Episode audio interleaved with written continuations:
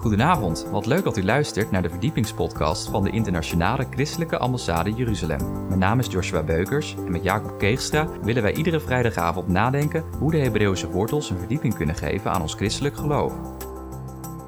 In deze aflevering gaan wij het hebben over geestelijke strijd. Wij wensen u veel luisterplezier. Gemeente, ook van mijn kant, goedemorgen. En ik wil met u nadenken over geestelijke strijd. En ik weet niet of u daarmee te maken hebt. Maar de Bijbel belooft ons dat wanneer je christen bent, dan zul je zelfs vervolgd worden. Dus dat we voorbereid zijn.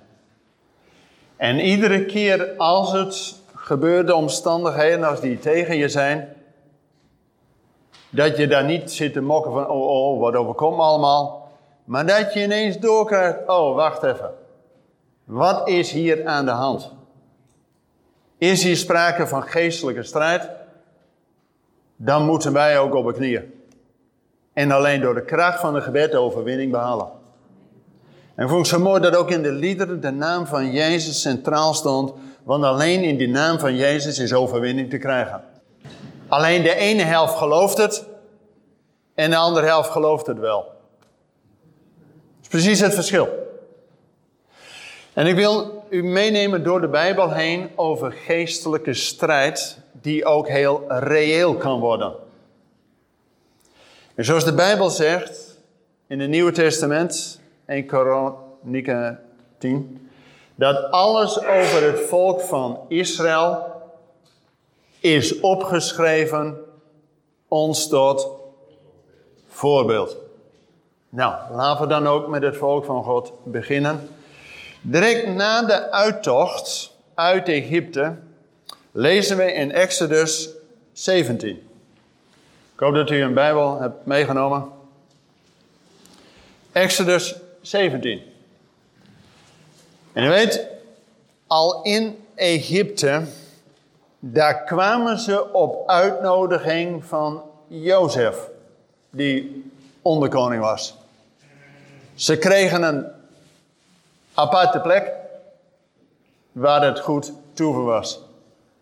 Ze groeiden in aantal en in welvaart. En dan komt er een nieuwe farao die Jozef niet gekend heeft. En die denkt, oei. En vaak door jaloezie gebeurt er het nodige. Israël is jaarlang in Egypte verdrukt. Ons moet eens nagaan dat ze zelfs hun kinderen in de Nijl moesten gooien. Nou, dan uh, over strijd gesproken. Maar God doet tien tekenen.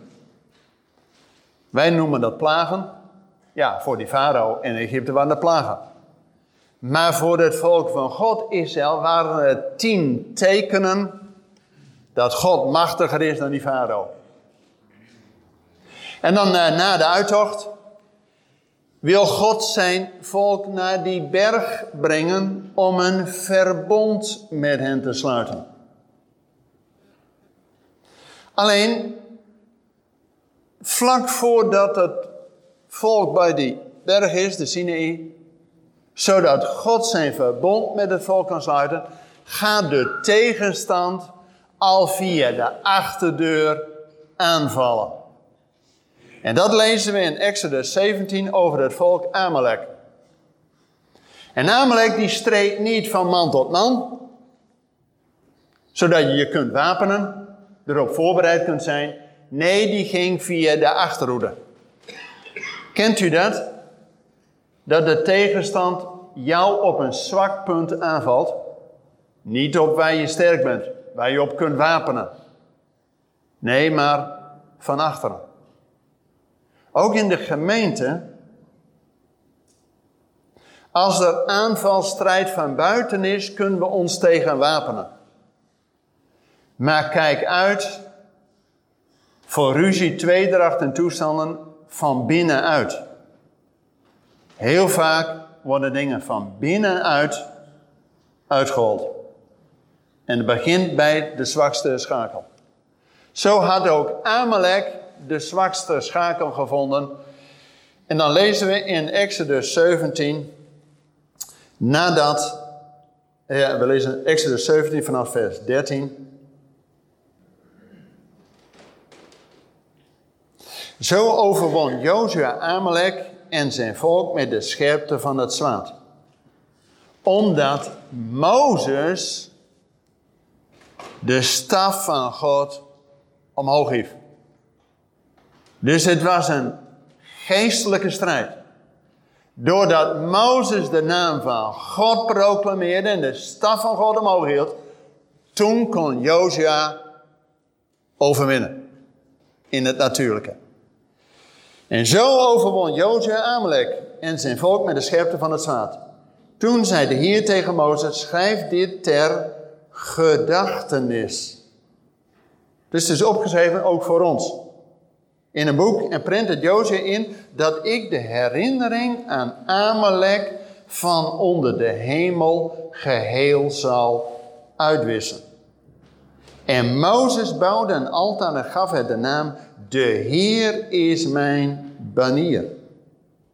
En hij zei voorzeker, de hand op de troon van de Heer, de strijd van de Heer zal tegen Amalek zijn van generatie op generatie.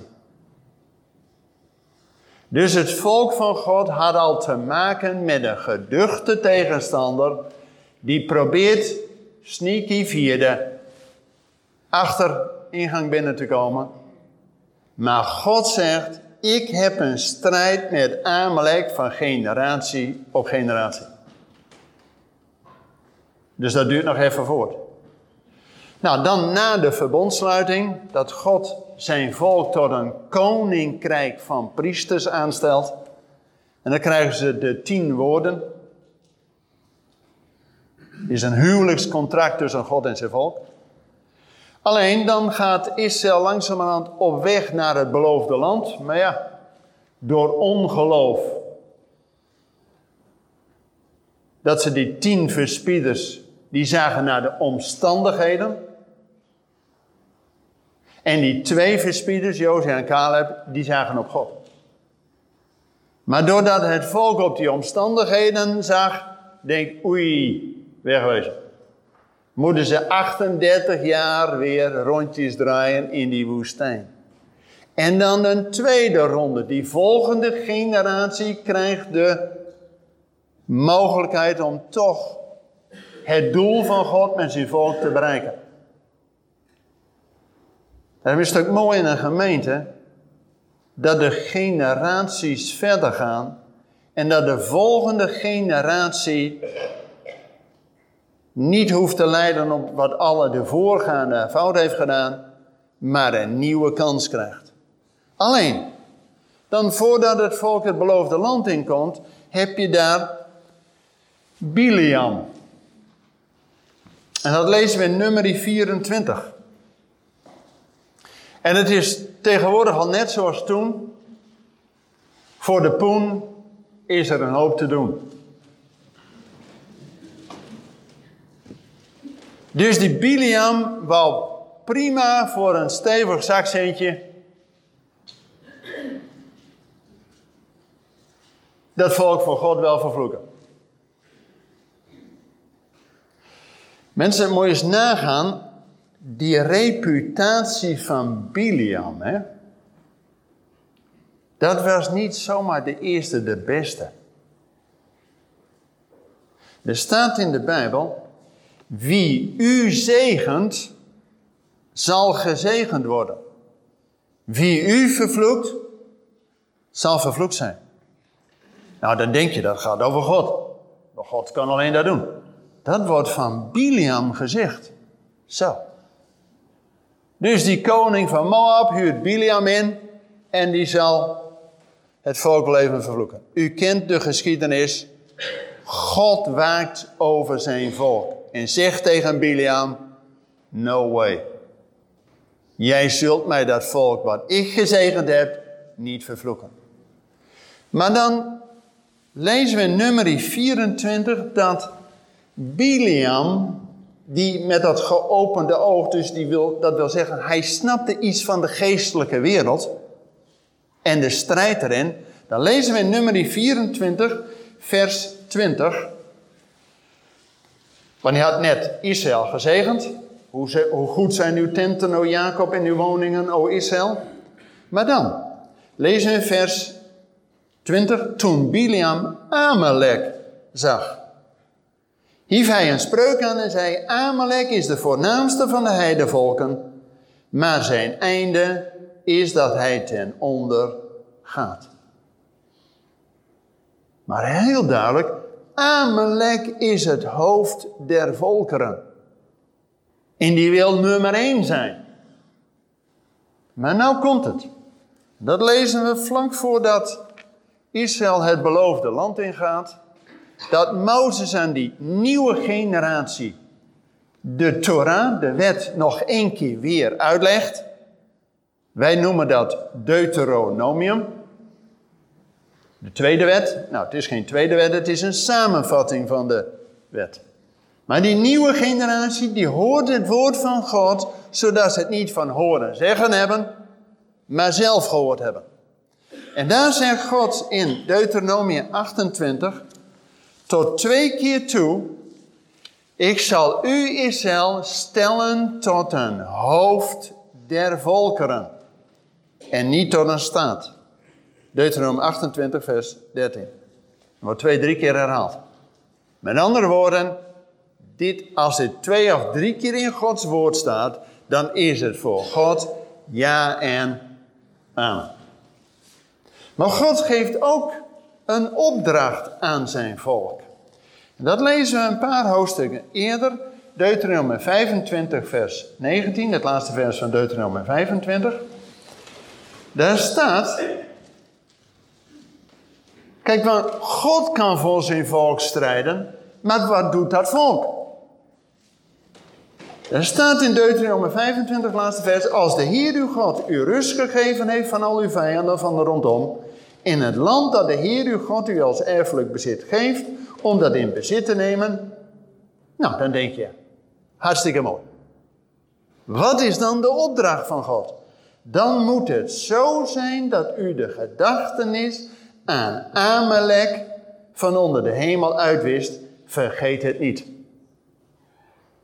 Dus ook het volk van God, als hij rustig in het beloofde land woont en veilig zit, ze hebben een opdracht.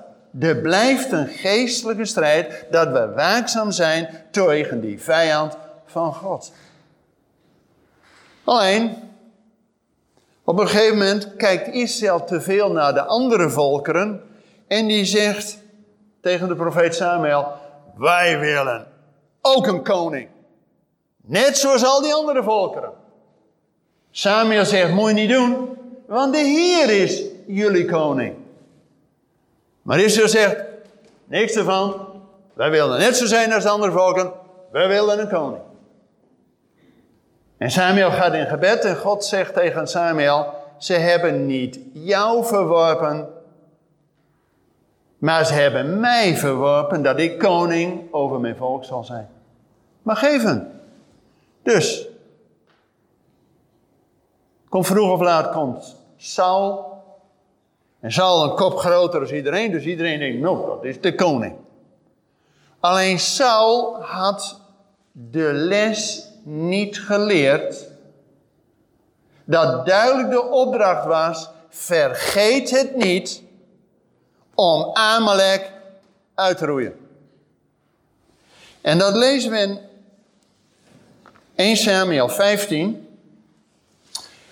Dat Saul heeft aantal overwinningen gedaan. En op een gegeven moment heeft hij ook Amalek veroverd. Nou, dan denk je, goed werk. Maar Saul was die dag dat hij handig was. Al het slechte vee en toestand had hij gedood. Maar het goede vee en de koning had hij in leven gelaten. En dan komt Samuel. En Samuel zegt tegen Saul: Laten we lezen in 1 Samuel 15.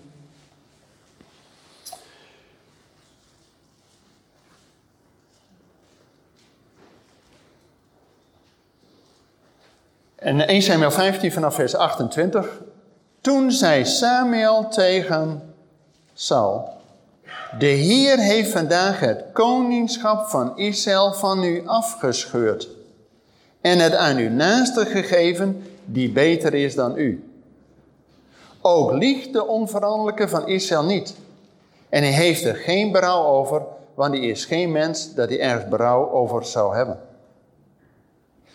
En Samuel, nee, dit is dan Saul, en Saul zeide, ik heb gezondigd. Eer mij nu toch voor de oudste van mijn volken, voor Israël, keer met mij terug, zodat ik voor de Heer uw God zal neerbuigen. Toen keerde Samuel met Saul terug en Saul boog zich voor de Heer neer. Toen zei Samuel, breng Agag, de koning van de Amalekieten, bij mij. En dan doodt Samuel eigenhandig die koning Agag van Amalekieten. Want Samuel stond in dienst van God en die deed wat God had gezegd. Maar Sam, uh, Saul die dacht, oh, het goede deel kunnen we mooi houden, het beste vee, prima. Maar daarmee is zijn koningschap over Israël wel van hem afgerukt. En die Agag is dan wel gedood, maar wacht even. De Bijbel zegt dat God heeft een strijd met Amalek van generatie op generatie. En we komen deze Agag later weer tegen. En dat komen we tegen in een zeer spannend Bijbelboek. Dat is het boekje Esther. En het boekje Esther is een feestrol wat gelezen wordt met het Purimfeest. En dat is een van de vijf feestrollen. En het boekje Esther daar draait God het precies op het juiste moment de rollen om. Maar het wordt spannend. U kent het verhaal van Esther, jong meisje, heette Hadassah. Maar op een gegeven moment de koningin wordt verstoten en wordt er gezocht naar de opvolging en uiteindelijk Hadassah wordt gekozen en krijgt de naam Esther. Alleen Esther is een Babylonische naam. Daar komt ook ons woord Easter vandaan. Nou, heeft met de Bijbel niks te maken. Dus eigenlijk haar identiteit was verhuld. En dan lezen we dat er een zekere onderkoning is, Haman. Een Agagiet. Dus een nakomeling van die koning van Amalek. En dan denk je, hoe kan het nou toch? Dat zo'n Haman, die alles heeft, is onderkoning, dat hij zo'n haat heeft tegen Israël. Dat komt omdat er een geestelijke strijd is, al vanaf het begin, dat God een strijd heeft met Amalek van generatie op generatie. Dus eeuwen later, met koningin Esther, dat die Haman een Agagiet, die doet alles om het volk van God te ruïneren. En dan lezen we in Esther hoofdstuk 4. En dat is de toepassing voor ons. Want tot nu toe kunt u zeggen, nou, mooi verhaal, geestelijke strijd, ver van mijn bedshow. Wat heb ik ermee? Nou, wacht even. De toepassing voor ons lezen we in Esther 4 en dan vanaf vers 13. Want als Haman eenmaal het bevel heeft eh, uitgevaardigd en de koninklijke zegel erop, dat alle Joden dan en dan die datum vermoord zullen worden, is iedereen in zak en rouw, ook haar oom Mordechai. En uiteindelijk Esther, die hoort dat. En dan de vraag. En dan lezen we in Esther 4, vers 13. Mordechai zei dat ze Esther moesten antwoorden. Beeld je niet in dat jij als enige van alle Joden zult ontkomen, omdat je in het huis van de koning bent.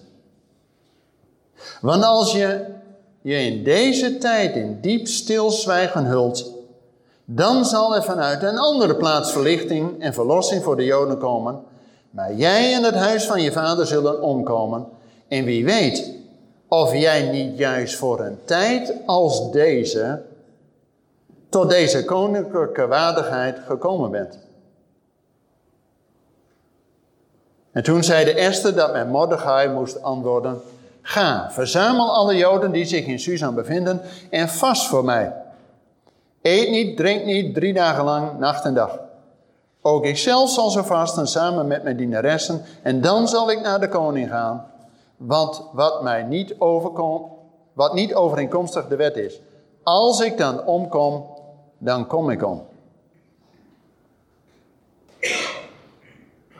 Mensen, we krijgen als christenen allemaal vroeg of laat de keuze, de test. Wat gaan we doen als het erop aankomt? En we zongen al in een van die liederen, als het wat strijd oplevert in ons leven. Wat gaan we dan doen? Denken we lekker veiliger te zijn in ons kleine hoekje?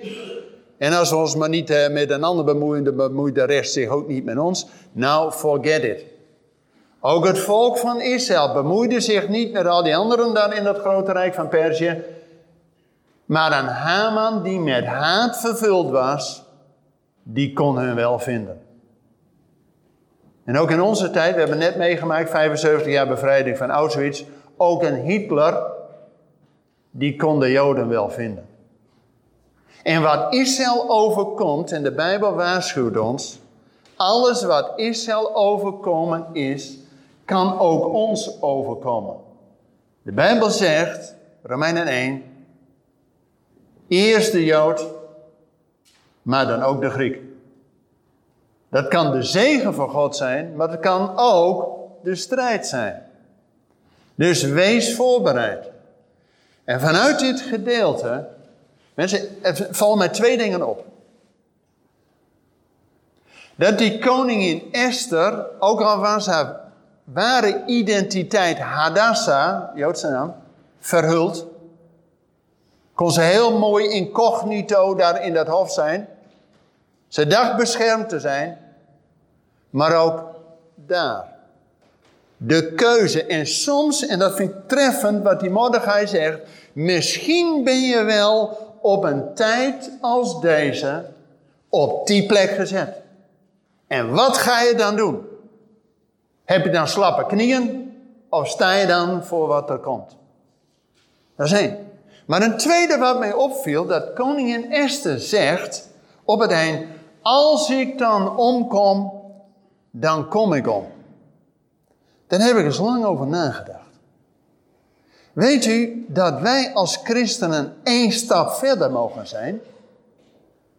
Als u gelooft dat Jezus jouw Heer en Heiland is. We hebben geproclameerd, ik ben een kind van God. Yes, I am.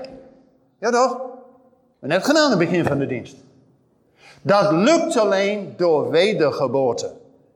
U kent het, hier. Waar is het doopvond? Nou. Maar u snapt. Door het badwater de wedergeboorte, vernieuwing van de Heilige Geest. Lukt alleen als je wederom geboren. Met andere woorden, als je afgestorven bent aan jezelf. Gelaten 2 vers 20. Mensen, wij leven niet meer voor het kruis. We leven na het kruis. In overwinning. Of niet? Zolang je nog voor dat kruis hangt, denk je: Oh, mijn leven is belangrijk. Dan ga ik vooral niet moeilijk doen. Oeh, ik in mijn veilig hoekje. Maar als je met Christus er doorheen bent gegaan, in de overwinning leeft, is het niet zo moeilijk om te doen wat God van je vraagt. Weet u, de bemoediging na Saul kwam David. Die beter was dan Saul, zegt Samuel. En David was niet alleen een koning, maar een man naar Gods hart. En als God al tegen het volk van Israël zegt: Ik zal jullie stellen tot een hoofd der volkeren. Weet u dat koning David heeft ook heel wat strijd geleverd en allerlei volkeren overwonnen. Dan dicht hij in Psalm 18. In Psalm 18 eventjes met Hebreeuwse oren. 18, het getal 18 betekent gai. Leven. Dus in de levenspsalm zegt koning David, vers 44b. Gij, God, hebt mij gesteld tot een hoofd der volkeren. Wauw. En wij zien uit naar die grote dag dat die zoon van David komt om op die troon van David te gaan zitten. En dan zal hij niet alleen onze persoonlijke Heer en Heiland zijn, maar ook koning der koningen en Heer der Heer. En tot die tijd zal er strijd zijn. Maar gelukkig, Jezus heeft de kop van de slang vermorzeld. Zijn staat kan nog een hoop route in de doen. Maar als we in de positie staan van Jezus, dat we als meer dan overwinnaars hier mogen zijn, dan kunnen we het volhouden in de geestelijke strijd. Bedankt voor het luisteren naar deze verdiepingspodcast van de ICEJ. Waardeert u onze podcast? Steun ons dan met een donatie, abonneer u of deel deze podcast met uw vrienden of familie. Ga naar www.icej.nl. Week gaan we het hebben over de parasha of bijbelrooster Shelach. Zend voor u uit. Hartelijk bedankt voor het luisteren en tot volgende week.